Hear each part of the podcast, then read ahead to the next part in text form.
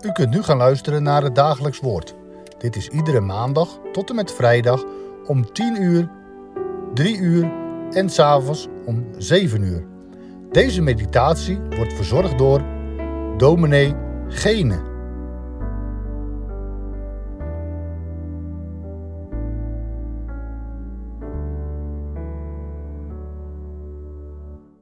Luisteraars, de reeks die we vandaag starten draagt als titel Belofte. Dit woord komt in het Oude Testament niet voor. In het Nieuwe Testament komen we het wel geregeld tegen. Een bekende tekst die we horen met Pinksteren en bij de bediening van de Heilige Doop is er een duidelijk voorbeeld van. Want voor u is de belofte, en voor uw kinderen, en voor allen die ver af zijn, zoveel als de Heere onze God ertoe roepen zal. Dat het woord in het Oude Testament niet voorkomt, betekent echter niet dat de zaak van het beloven, van de belofte, niet voorkomt.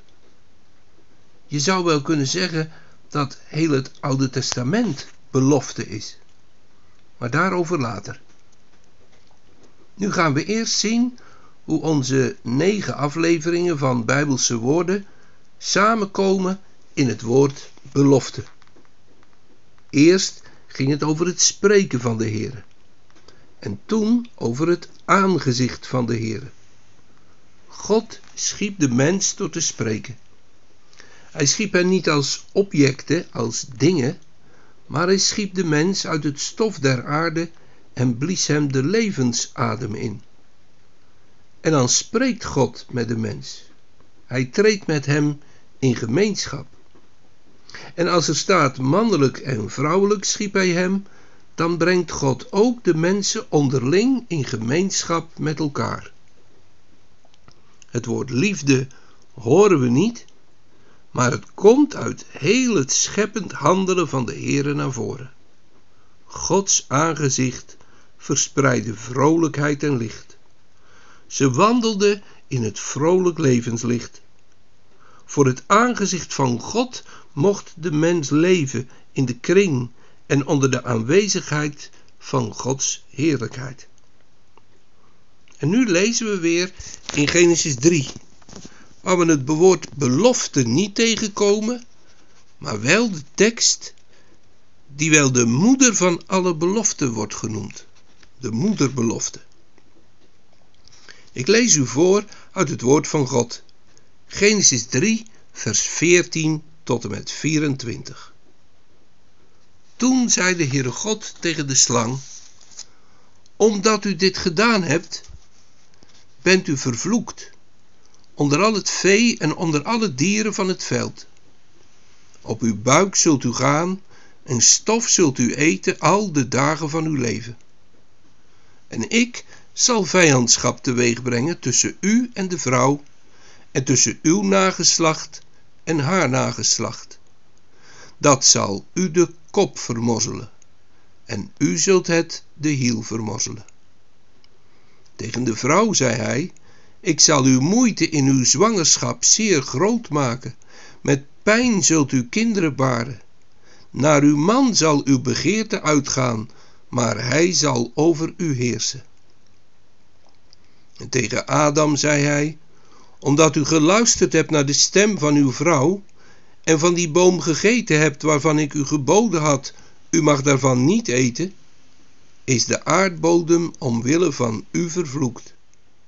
Met zwoegen zult u daarvan eten, al de dagen van uw leven.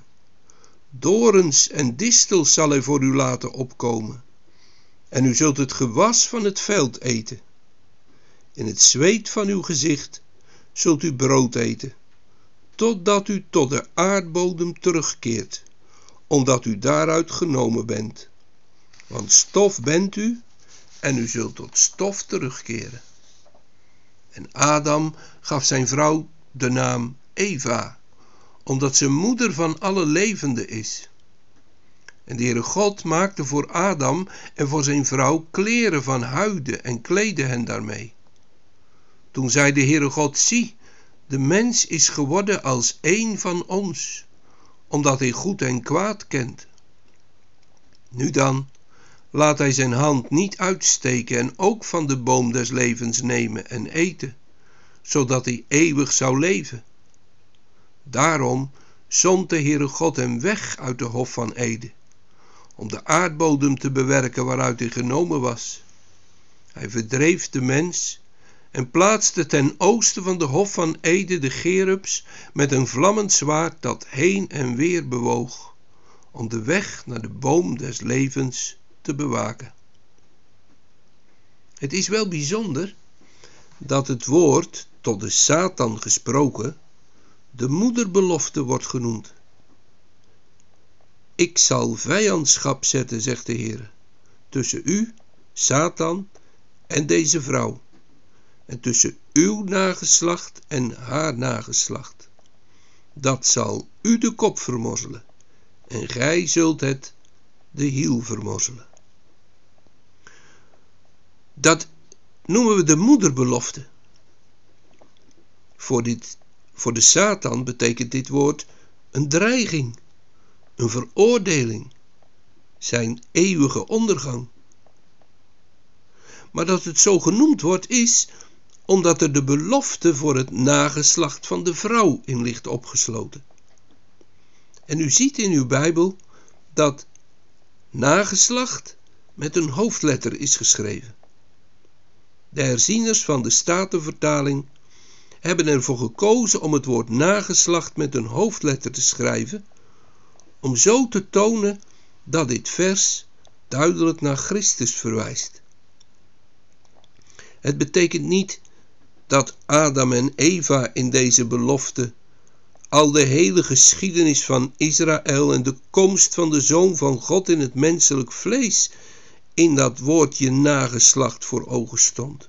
Nee, zij horen hierin niet. Zij horen hierin dat God zich tot hen wendt.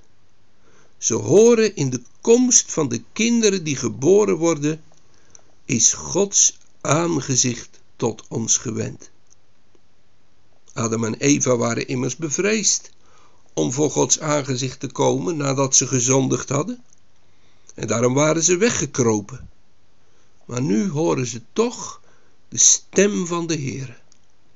En hij spreekt zijn woord tot hen. En dat woord wekt verwachting. De Bijbel laat ons horen wat God tot hen zegt, dat ze de dood zullen sterven, dat ze tot het stof waaruit ze genomen zijn, zullen terugkeren.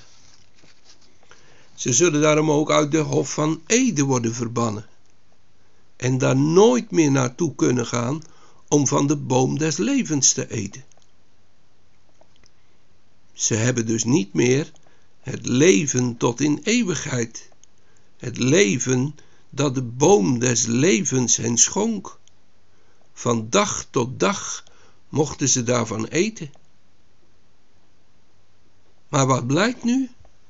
God weet hen ook buiten de hof te vinden en vooral hen aan te spreken. Nu bedenken we ons weer dat het spreken van de Heere een daadkrachtig spreken is. Het zijn de daadwoorden van God. Als de Heere spreekt, dan zijn het geen lege woorden, maar hij doet wat hij zegt. Hij doet wat hij belooft. Het zijn beloften. God spreekt en hij belooft zijn genade en barmhartigheid. In de komende weken hopen we daarbij stil te staan en het samen op te lezen uit het woord van God. Nu sluit ik af met wat de tekst als bevestiging van die belofte in het hart van Adam en Eva uitwerkt. Om dat te laten zien dat Gods woorden geen lege woorden zijn, maar dat ze tot in het hart van een mens kunnen doordringen. Want Adam gaat ook weer spreken.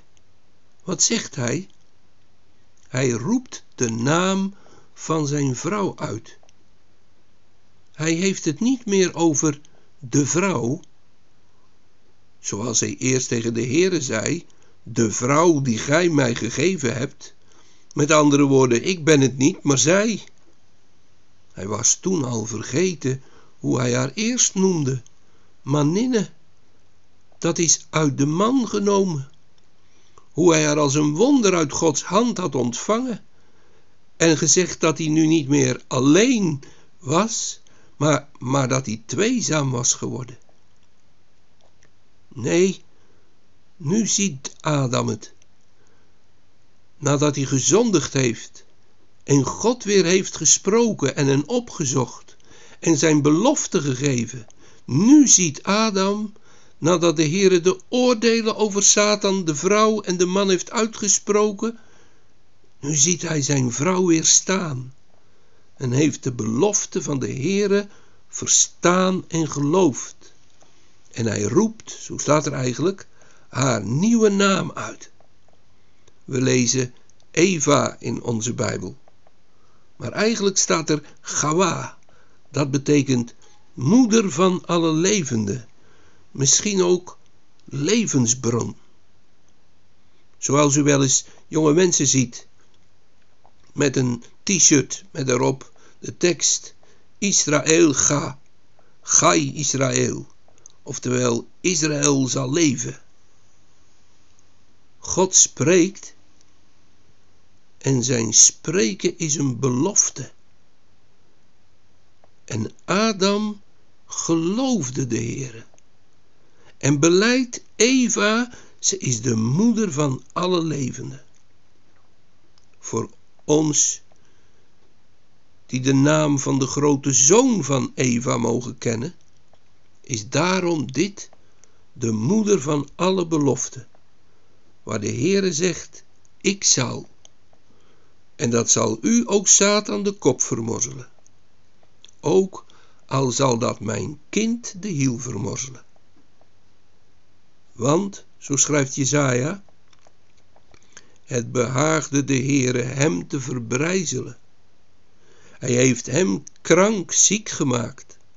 Als zijn ziel zich tot een schuldoffer gesteld zal hebben, zo zal hij zaad nageslacht zien.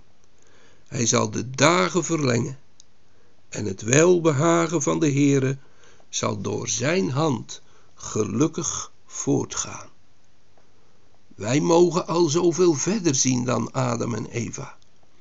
Maar hier zien we hoe de Heere spreekt en een mens tot geloof komt nadat hij zichzelf zo kort tevoren in de eeuwige dood had geworpen, omdat hij aan God ongehoorzaam was. Maar de Heere, de Heere heeft een eeuwig verbond in zijn hart. Daarvan getuigt Jeremia, dat gaan we nog lezen. Maar dat komt ook hier al uit. Ik zal, zegt de Heer. En dan moet de Satan sterven. Dan moet de mens op de knieën komen. En dan komt de Heer Jezus Christus naar voren als de grote verzoener. Wat is de belofte van God veelomvattend. Zullen we samen nog bidden? Trouwe Heere, we komen samen tot u om u te danken om uw naam te loven en te prijzen. We beleiden u, heren, daar waren we nooit aan begonnen. Dat doen we niet omdat wij dat in ons hart hebben gevonden. Dat doen we niet omdat we mensen zijn die daartoe in zichzelf de drive vinden. Maar dat doen we omdat we uit uw woord horen dat u een belovend God bent dat u een God bent die in Christus uw Zoon het ja en amen hebt gesproken op al wat u beloofd hebt. En dan mogen ook in deze dagen tegen elkaar zeggen dat de Heere beloofd heeft nieuwe hemelen en een nieuwe aarde waarop gerechtigheid woont. Dat er een einde zal komen aan de dood en aan het verderf, aan de strijd en aan het geweld aan de jammerklachten, aan de rouw en het verdriet. En dat het zal zijn dat u, de Heere, alles en in alle zult zijn. Och Heer, en dat voor een ieder die de belofte gelooft dat Jezus Christus in de wereld gekomen is, om niet alleen anderen, maar ook mij zalig te maken.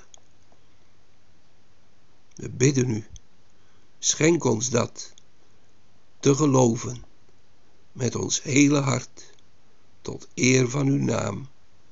Amen. Ik wens u een gezegende dag.